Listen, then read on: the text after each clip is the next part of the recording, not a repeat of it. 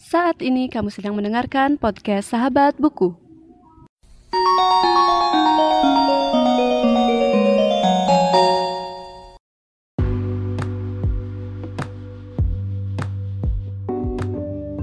Halo semuanya dan selamat datang kembali di Sahabat Buku.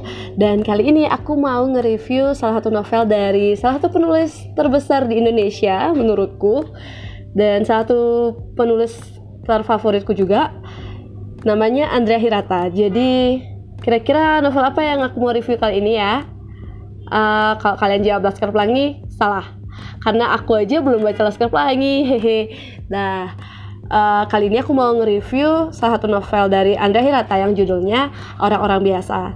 Dan kalian tahu nggak sih buku ini tuh jadi salah satu buku yang paling dicari loh akhir-akhir ini karena Gak tahu kenapa aku lihat di Instagram di toko buku juga banyak terpampang uh, cover dari buku ini. Jadi aku coba beli dan aku baca.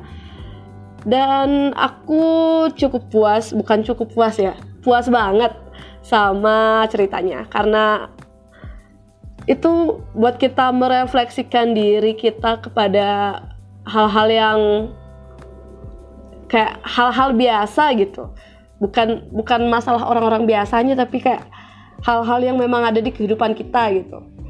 Orang-orang biasa orang-orang kayak dalam tanda kutip orang-orang desa yang uh, tinggal di kota eh orang-orang desa yang tinggal maksudnya uh, orang-orang yang tinggal di suatu daerah aku lupa entah itu desa atau kota ya itu namanya Belantik.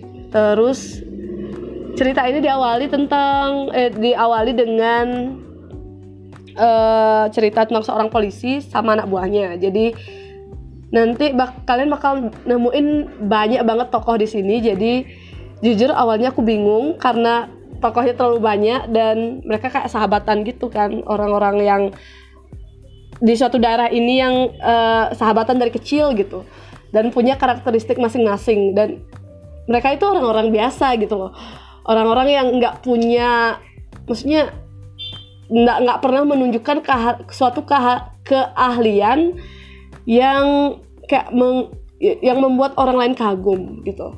Jadi memang anggapannya orang-orang biasa itu orang-orang yang istilahnya biasa-biasa aja gitu, nggak nggak wah-wah banget dan mereka juga nggak jelek-jelek amat, nggak nggak bagus-bagus amat gitu ya kayak biasa-biasa aja gitu kan.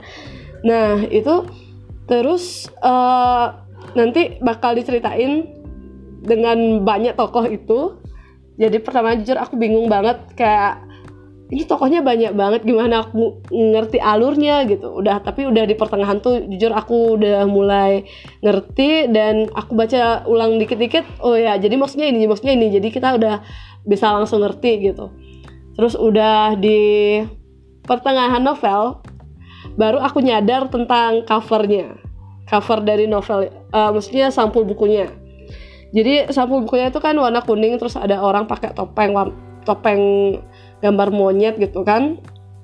Dan itu ternyata emang diceritain novelnya. Dari awal aku pas baca itu kan mikir ini apa maksudnya sih? gitu. Soalnya kak waktu aku baca novelnya Terelie yang serial Bumi itu kan uh, covernya itu menunjukkan cerita yang bakal nanti atau petualangannya nanti bakal dihadapin sama ketiga sahabat itu. Dan ini aku masih kayak waktu baca itu ini covernya ceritain apa sih gitu kan? Kok ada monyet-monyet kayak gini gitu kan? Kok ada orang pakai topeng monyet gitu kan? Dan itu nanti bakal diceritain di pertengahan novel. Jadi menurutku novelnya bagus banget dan memang recommended buat kalian yang emang suka baca novel. Dan buat yang baru baru baca novel atau masih masih belajar buat baca bacaan yang agak tebal ini menurutku cocok banget karena novelnya nggak terlalu tebal. Dan juga kalau kalian punya waktu yang cukup maksudnya punya waktu luang yang cukup kalian bakal gampang gitu loh baca ini karena dengan ceritanya yang menarik pasti buat kalian bakal pengen baca terus gitu. Dan sekian untuk podcast kali ini dan selamat uh, mencari-cari buku dan me melihat review-review novel di podcast aku juga yang lain. Kalian bisa lihat di episode sebelumnya. Dan Semoga kalian terhibur. Sampai jumpa di podcast selanjutnya.